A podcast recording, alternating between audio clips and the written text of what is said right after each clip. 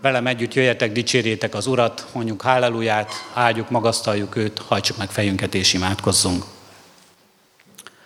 Áldunk és magasztalunk téged, Urunk Istenünk, ezért a mai napért, ennek minden áldásáért. Köszönjük a jó időt, köszönjük a jó közösséget, köszönjük, Urunk Istenünk, a jó beszélgetéseket, az áldott találkozásokat, és köszönjük, Urunk Istenünk, a veled való közösséget is, mint amely a legszebb, a legnagyobb és a legnagyszerűbb dolog volt ezen a mai napon. Áldunk és magasztalunk gondviselő szeretetedért, amely gondot viselt testünkre és lelkünkre. Áldunk és magasztalunk, Urunk Istenünk, hogy adtál igét a mai nap, hogy készítettél ige hirdetőt. Kérünk és könyörgünk, áld meg valóban az igének hirdetőjét, és minket az igének hallgatóit, a te szent lelked áldásával. Jöjj, légy itt közöttünk, Atya, Fiú, Szentlélek Isten. Amen. Lukács 22, 54-től 62-ig. Miután pedig elfogták őt, elvitték és bekísérték a főpap házába. Péter pedig távolról követte. Mikor az udvar közepén tüzet raktak és körülülték, Péter is leült közéjük. Amint ott ült a tűz világánál, meglátta őt egy szolgáló, szemügyre vette és így szólt, ez is vele volt. Ő azonban letagadta ezt mondva, asszony, nem ismerem őt. Röviddel ezután más látta meg és ezt mondta, te is közülük való vagy. De Péter így válaszolt, ember, nem vagyok.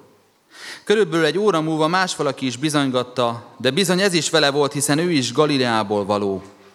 Péter azonban ismét tagadta, ember, nem tudom, mit beszélsz. És amikor ezt mondta, egyszerre megszólalt a kakas. Ekkor megfordult az úr, és rátekintett Péterre, Péter pedig visszaemlékezett az úr szavára, amikor azt mondta neki, ma, mielőtt megszólal a kakas, háromszor tagadsz meg engem. Azután kiment, és keserves sírásra fakadt.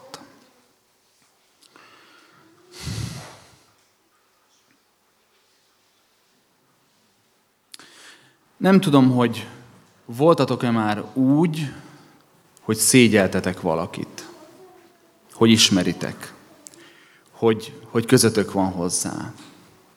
És nem tudom, voltatok-e már úgy, hogy valaki titeket szégyelt az én életem annyira nem romantikus, mint amennyire elsőnek tűnik, és mondtam itt a idősebb hölgytestvéreknek tegnap, mikor mondták, hogy alig várják a honlapot, hogy mondtam, hogy hát, ma jön a fekete leves, és megint nincsenek véletlenek, majd elmondom, hogy miért, miért késtem. Az én életem azzal a teherrel együtt keresztjén és lelkipásztori élet, hogy ugye nekem két feleségem volt és van, hiszen az első feleségem is még él. Én egy elvált és újraházasodott református lelkész vagyok.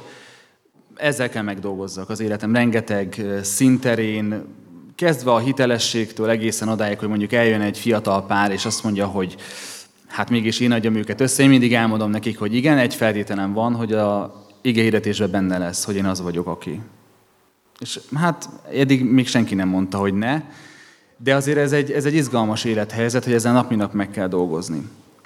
És amikor az én életem eljutott odáig, hogy kiderült, hogy 18 év után a szeretet mégsem annyira szeretet, mégsem úgy működik, és, és nyilván erőszakkal senkit nem lehet bent tartani egy kapcsolatba, tehát el kellett fogadjam, hogy, hogy annak a történetnek vége, akkor én azt kértem a Jóistentől, hogy adjon nekem valamit, ami segít egy kicsit kiszakadni önmagamból és más oldalról megnézni azt, ami vagyok. Mert nyilván, amikor benne van az ember egy ilyen történetben, akkor borzasztó nehéz megdolgozni érzésekkel, élményekkel, nyilván vagy a másikat hibáztatod, vagy magadat, tipikus ilyen bűnbakkeresős helyzetek.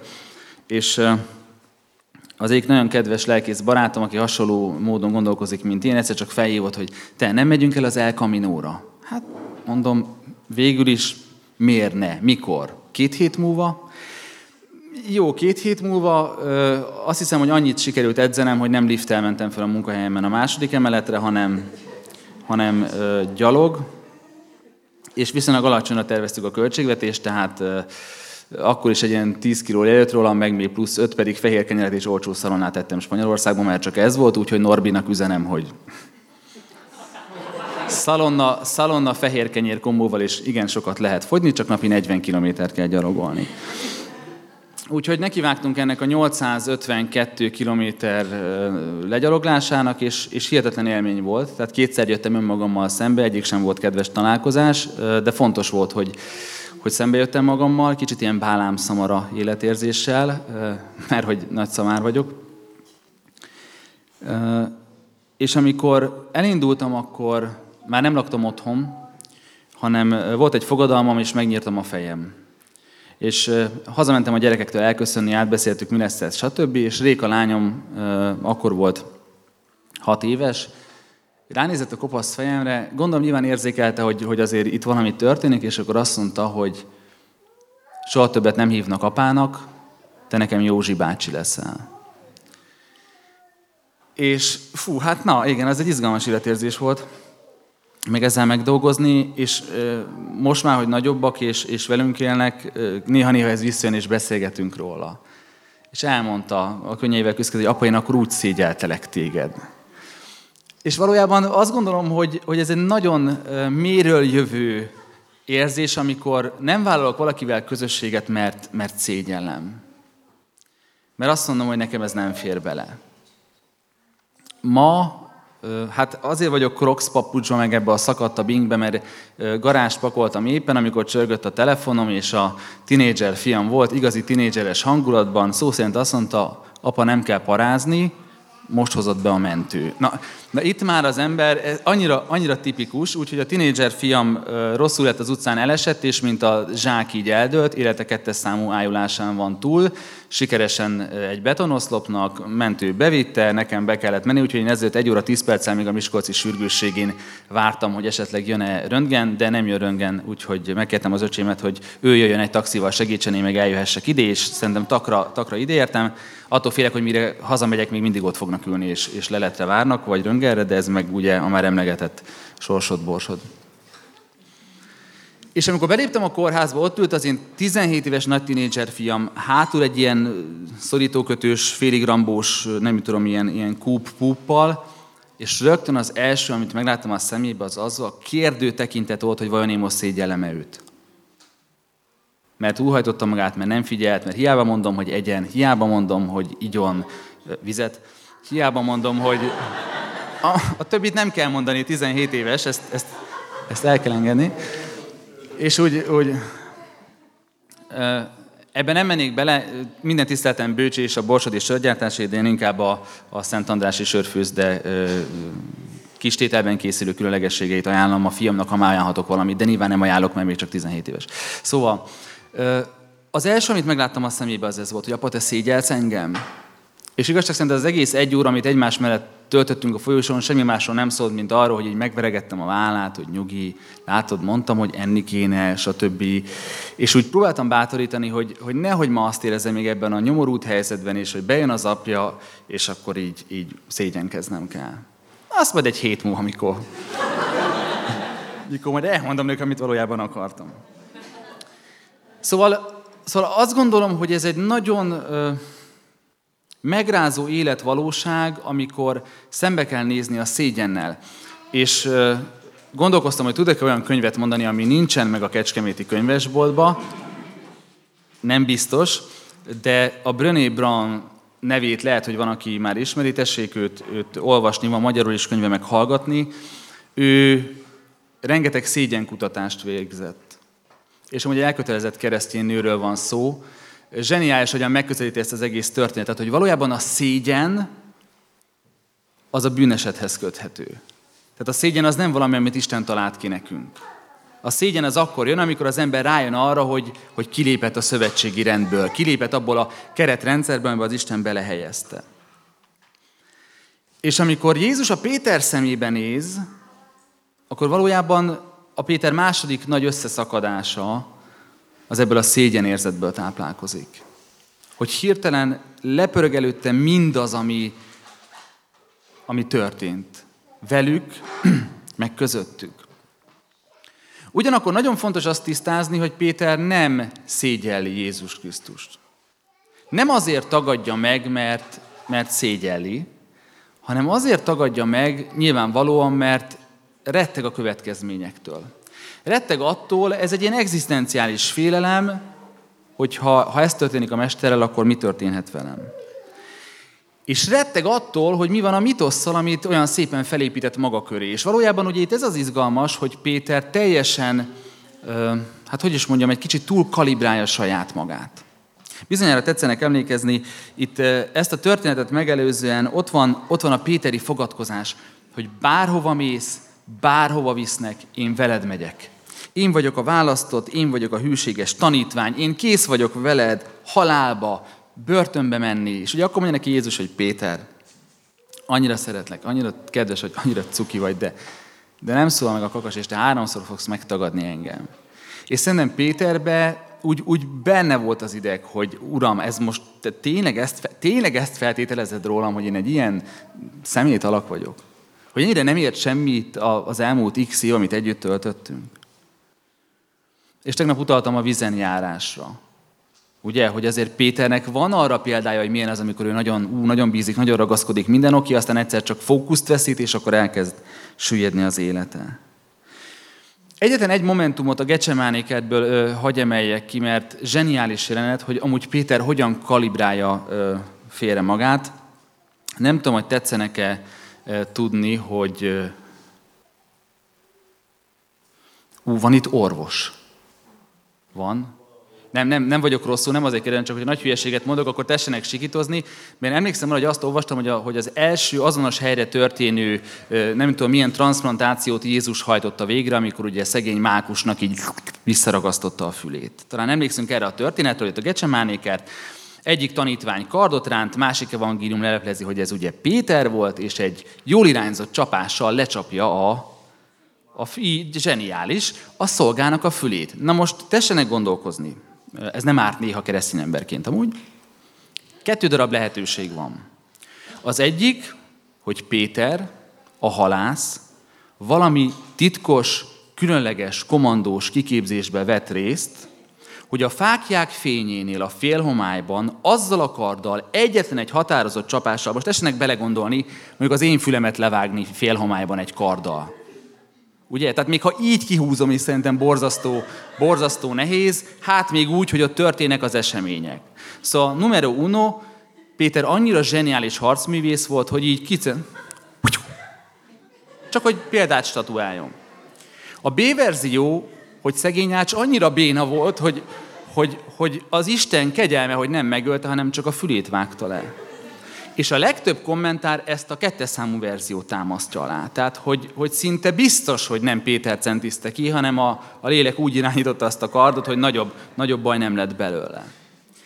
Na de ez is azt jelenti, tessék megnézni, hogy Péter valójában már ott nemet mond a tanítványságra.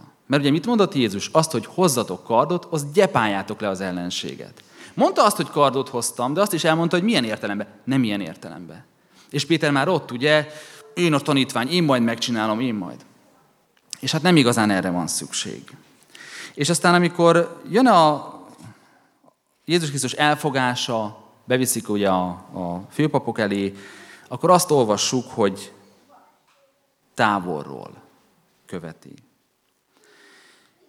Én azt gondolom, hogy, hogy az egész problémakör valahonnan indul, indul, innen indul el, hogy Jézus lehet távolról követni.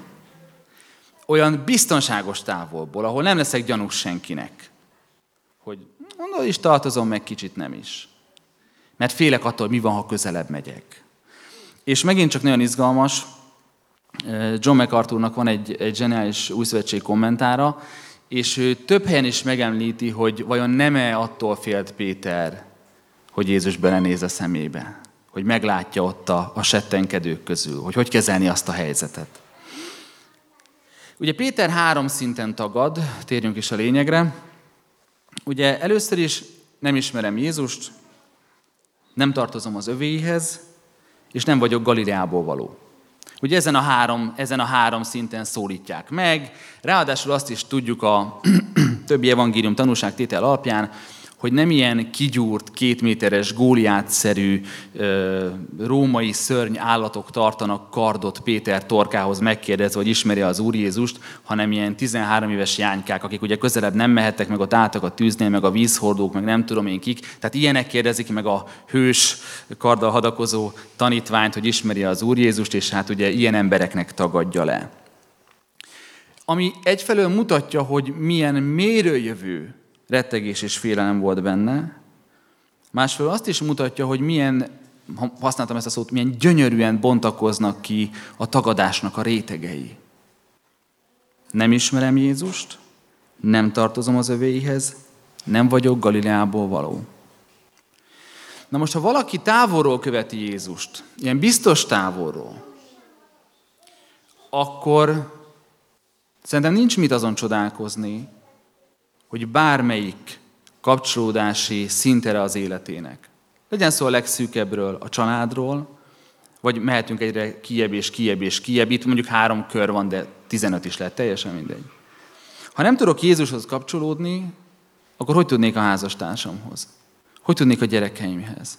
Hogy tudnék a nagy családhoz? Hogy tudnék a gyülekezethez? Hogy tudnék normálisan egy nemzethez? És itt látszik, hogy aki biztos távolból követi Jézust úgy, hogy azért benne tudjanak azonosítani, az amikor rákérdeznek az élet legfontosabb kérdésére, ott lazán letagadjuk, lazán megtagadjuk. Hogy még közelebb hozzam ezt a testvéreknek, emlegettem már a cukorborsó perecesi gyülekezetet, ahol ugye lánglelkű bányászok voltak, és hát voltak izgalmas presbiteri gyűlések, ezt azért el kell, hogy mondjam, egy kicsi e, ennek a fele gyülekezeti termet tessenek elképzelni, úgy, hogy azért a, a magyar címer az úgy ki volt éve az ajtó fölé. Én ezt lecseréltem egy órára. Ennek jobban örült a gyülekezet, mert így jobban tudtam keretezni, hogy néztem a címert, néztem a címert. Az óra mutatta, hogy meddig illik, illik beszélni perecesen. És volt egy presbiteri gyűlés, ahol vitatkoztak a presbiterek, és ez is elhangzott, hogyha visszatennénk Rákosit arra a szegre, most tessenek kapaszkodni, visszatennénk. Én ott, én ott azért így, így megálltam így markolva a pulpitust, hogy jól értettem azt, amit Sanyi bácsi a legöregebb bányász mondott, de ez volt, hogyha visszatennénk Rákosit arra a szegre, akkor itt sokkal nagyobb rend lenne a gyülekezet házatáján.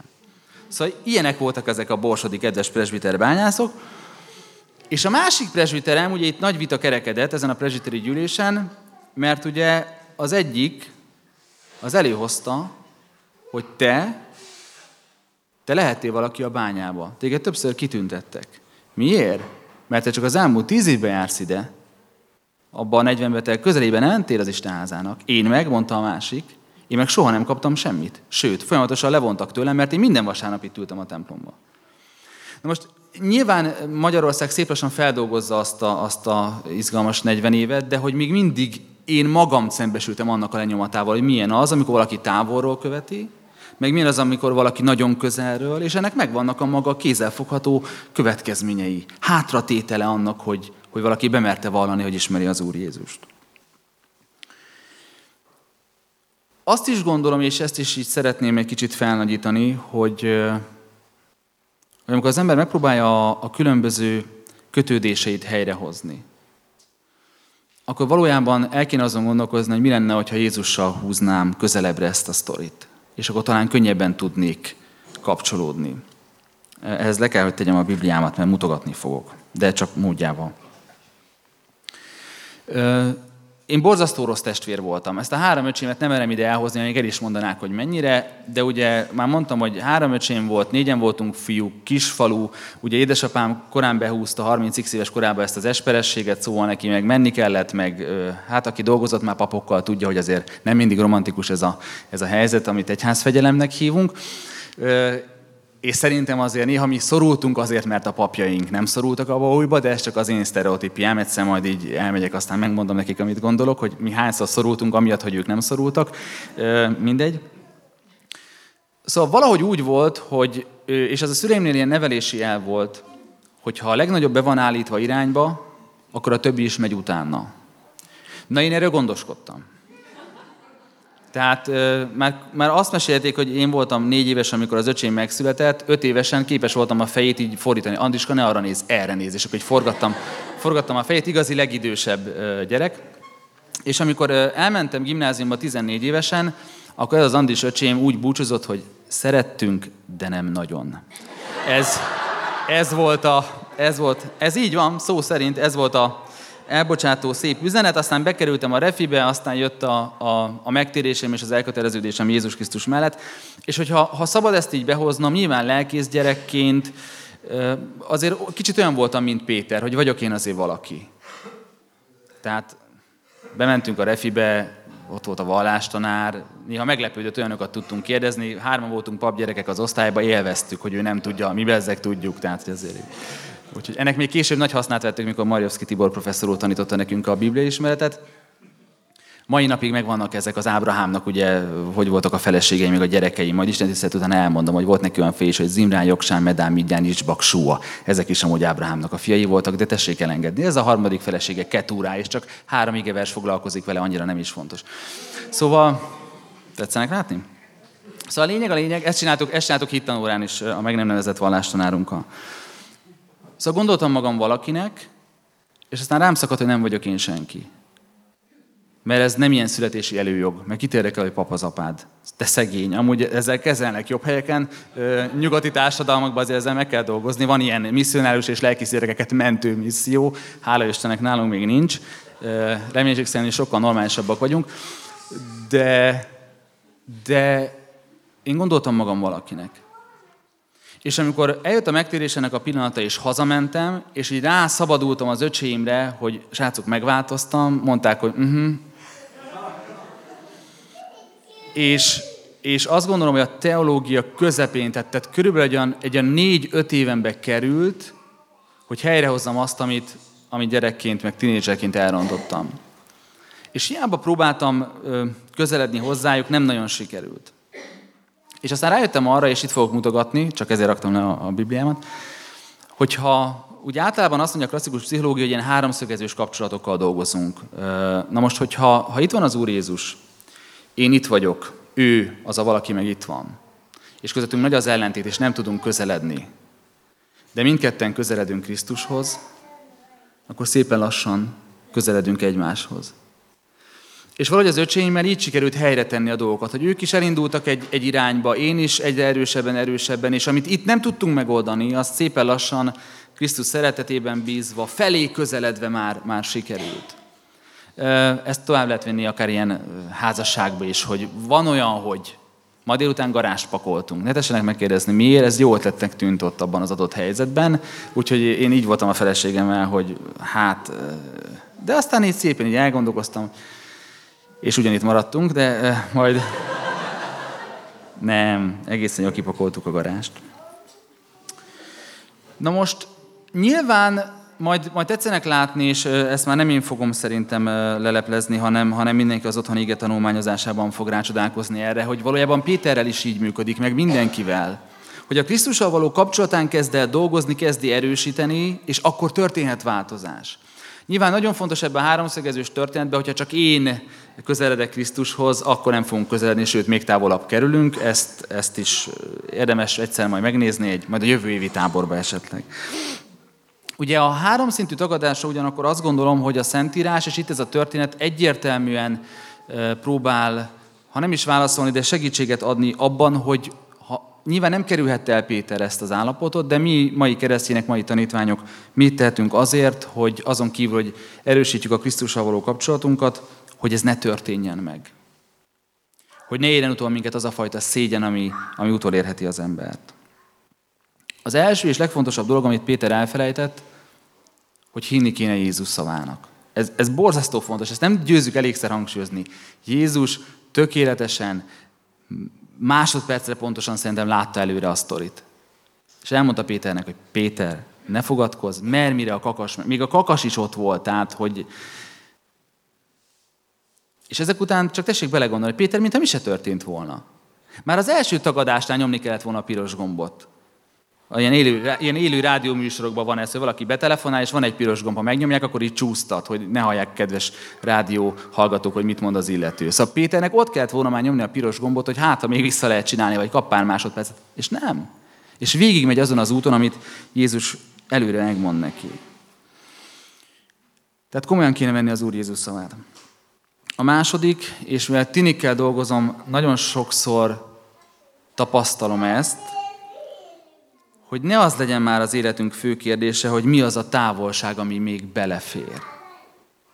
Mert sokszor a Krisztus kapcsolatunkat így, így próbáljuk keretezni, hogy ez még belefér, tanár úr? Hát mondom, amúgy tőlem bele is férhet, de, de eleve így kérdést feltenni. Ugye, hogy ez, ez még belefér? Hát, nem tudom. Szóval így nehéz. Ki vagyok én, hogy megmondjam. De abban a pillanatban, hogyha nem a távolságot akarom belőni, hanem a lehető legszorosabban, a lehető legközelebbi módon megélni ezt a kapcsolatot, akkor szerintem az embernek egészen más megváltó képe lesz. Meg egészen más Istenképe, meg egészen más kapcsolata az Úristennel. Jó, tehát hogy ne az legyen a fő kérdés, hogy mi fér még bele a nem követésbe, meg mi az a távolság, ahol még biztonságban vagyunk, hanem tessék nagyon szorosan, nagyon intenzíven, igazi szerelemként ragaszkodni az Úr Jézus Krisztushoz.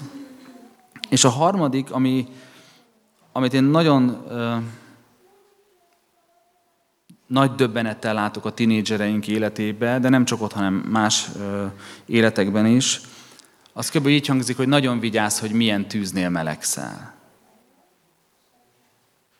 Mert ez egy nagyon izgalmas élethelyzet, hogy egyáltalán minek ment oda.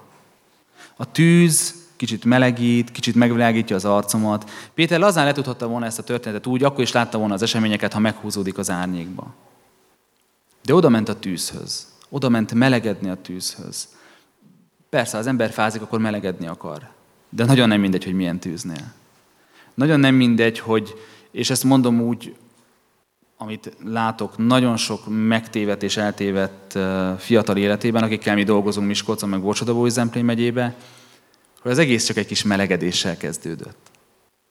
És aztán olyan, olyan végkifejletek lettek, amiket aztán családok, meg generációk nem tudnak feldolgozni. Pedig az egész úgy kezdődött, hogy azt gondoltam, jó ötlet annál a tűznél melegedni. Beszállni abba a kocsiba, meginni azt a valamit, és tudnám tovább sorolni. Hogy ezt egy kicsit teológus szintre is hozzam, biztos, hogy van John Stott könyv a Kecskeméti könyvesboltban, John Stott, aki szerintem az egyik legzseniálisabb brit teológus és igehirdető, egyszer el, leírta azt, hogy nagyon művelt, nagyon intelligens londoni barátai meghívták egy, egy ilyen kiállításra, ahol hát szerintük művészi módon, Stott szerint elég alpárian próbáltak ilyen evangéliumi kapcsolódási pontokat bemutatni. Ha valaki emlékszik rá, Debrecenben a Modernben is volt egy hasonló ilyen Fú, nem tudom, mi volt a címe, tudom, hogy ilyen félbevágott eleven disznók voltak ott, meg ilyen mutatták, hogy milyen lehetett a golgot. Ah, botrányos volt, szerintem én sem néztem meg. Na mindegy, szóval meghívták John Stottot, hogy, hogy hát nézze meg, hát ezt, ezt muszáj megnézni. Hát aki művelt, aki intelligens, pláne aki ilyen embereknek prédikál, annak ezt látni kell. És azt mondta John Stott, hogy nem kell. Ezt a gondolatot nekem be sem kell engednem. Miért kéne nekem látni? Azért, mert nem leszek elég felvilágosult, hogy elég művelt. Az én hitembe ez nem fér bele, hogy lássam. És tudnék tovább menni a tinédzsereinknél, hogy oh, csak megnézem, ugye? Aztán, aztán ki tudja, milyen, milyen lavina indul el. Szóval, hogy, hogy nem kell nekünk minden tűznél megállni, melegedni. És ez fontos, hogy mindenki a saját életében szerintem tudja, hogy, hogy mi az, ahol, ahol csak így először bekacsint a kísértő, meg egy kis melegedés, meg egy kis nem lesz ebből baj, aztán utána olyan szintű tagadások történnek, hogy nemet mondok a Krisztussal való kapcsolatomra, a másikkal való kapcsolatomra, meg a különböző közösségeimre is nemet tudok mondani. És ez is evangélium, kérem szépen. És a bónusz negyedik, amit így, így magamnak felírtam, az az, ami aztán a Jézusi tekintetben a Péterrel való összetalálkozásban benne van. Két ilyen nem verbális momentum izgatja a Biblia tudósokat. Az egyik, hogy amikor Jézus a parázna szemben a porba rajzol, mit rajzolhatott.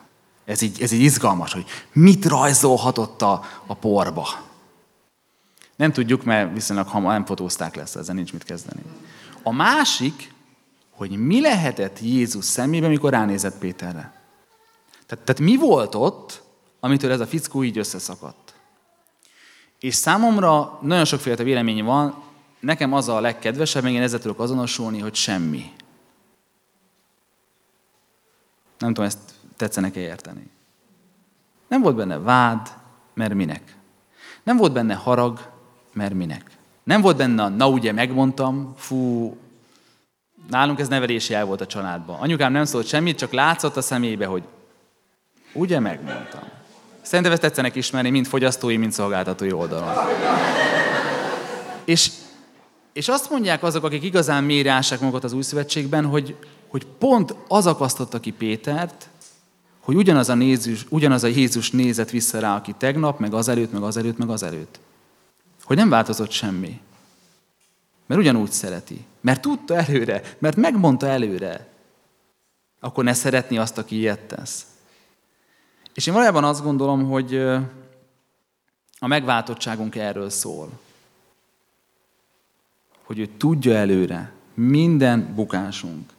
És igen, a bukásnak ára van. Azzal meg kell dolgozni. Igen, nem ugyanolyan lesz utána az élet.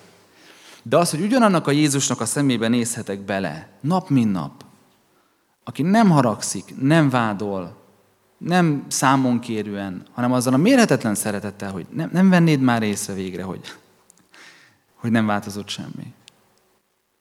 Azt gondolom, hogy akinek ilyen Jézusa van, és így tud a szemében nézni, és próbál egyre közelebb és közelebb kerülni hozzá, az lehet, hogy nagy sírásokat spórol meg az életében, meg lehet, hogy nem jut el a tagadásnak ezeknek a furcsa szintjeire. Azt hiszem, és, és ez a záró gondolata ma estének, hogy bármilyen szinten és szinterén sérül az életünk, mert sérül, ez a valóság. A kapcsolataink, a közösségeink, szégyennel, haraggal, sokféle érzéssel. Én szentül hiszem, és ez ragaszkodom, hogy az első lépés az mindig Jézus felé kell, hogy megtörténjen. És ha ott működik ez a nagyon mély és őszinte kölcsönös szeretet kapcsolat, akkor azt gondolom, hogy sokkal könnyebben lehet. Az én élettapasztalatom azt mutatja, hogy nem lehet mindig mindenkivel. De mégis azt hiszem, hogy meg kell próbálni ezzel a szeretettel fordulni az összes kapcsolatunk, az összes közösségünk felé. Legyen így, imádkozzunk.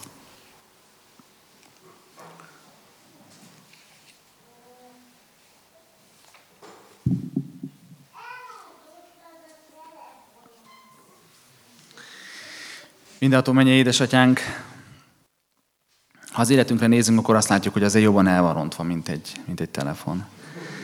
Azért, mert olyan mélyen gyökerezik bennünk sokszor a rossz, és nem feltétlenül az, amit elkövetünk, hanem, hanem hogy tényleg a bűn hatalma alatt élő emberiség vagyunk, ahol olyan dolgok történnek, amiket még kimondani is szörnyű. Olyan dolgokat találkozunk, amit, amit borzasztó nehéz feldolgozni. És azt látjuk, hogy, hogy az emberi próbálkozásaink, erőködéseink néha olyan, olyan keveset érnek. Néha rosszul pozícionáljuk magunkat, tőnek képzeljük magunkat, vagy éppen kevesebbnek. És olyan hihetetlenül nagy élmény néha belenézni a te tiszta tekintetedbe. Beleolvasni a te szavadba, és látni, és megélni azt, hogy te tudod előre, te megmondtad előre. És ugyanazzal a szeretettel tekintesz ránk, mint azelőtt, hogy megmondtad. És hogy valójában a labda folyamatosan nálunk pattog, hogy hogy elfogadjuk ezt a szeretetet, hogy megragadjuk ezt a kegyelmet, hogy képesek vagyunk-e mindent csak ugyan feláldozni a Te ismeretednek a páratlan nagyságáért. És ez az ismeret, ez a, ez a legszentebb szeretet kapcsolat. Ebben kérünk, hogy mélyítsd el az érzéseinket, a gondolatainkat, az életünket. Segíts, hogy, hogy megpróbáljuk helyrehozni azt, ami elromlott, és tegyük ezt elsőrenden veled hogy aztán tisztán és őszintén tehessük meg másokkal. Megint csak imádkozunk azokért, akiknek még lehetősége sincs erre, hiszen, hiszen nem ismernek téged. Ad, hogy hegyen épült városként, vagy éppen világító szövétnekként, de hirdethessük mindenkinek, hogy a te tekintetedbe bele lehet nézni, hogy van kedvesség, hogy van szeretet, hogy van megbocsátás, hogyha az ember megbánja azt, amit tett, és hozzád fordul. Ad, hogy ez a gyülekezet is, és benne minden szolgáló élet ezt tudja hirdetni, teljes erővel és bizonyossággal. Most is kérünk, atyánk, áld meg a kicsinyeket, a nagyokat, az egészségeseket, a betegeket, azoknak, akiknek megvan mindenük és mindenkiük, és azokat is, akik már elvesztettek valakit vagy valamit. Így kérünk, kegyelmeddel, hallgass meg most is minket, atyánk. fiadért a Krisztusért. Ámen. Ti azért így imádkozzatok, mi atyánk, aki a mennyekben vagy, szenteltessék meg a te neved. Jöjjön el a te országod, legyen meg a te akaratod, amint a mennyben, úgy a földön is. Minden napi kenyerünket add meg nékünk ma, és bocsáss meg védkeinket, miképpen mi is megbocsátunk az ellenünk védkezőknek. És ne vigy minket kísértésbe, de szabadíts meg a gonosztól, mert Téd az ország, a hatalom és a dicsőség mind örökké.